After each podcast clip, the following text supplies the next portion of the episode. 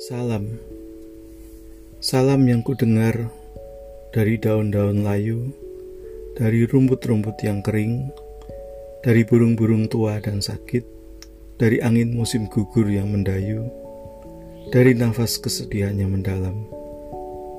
Tak akan terdengar jika kau tak menangis bersamanya. Jakarta 1998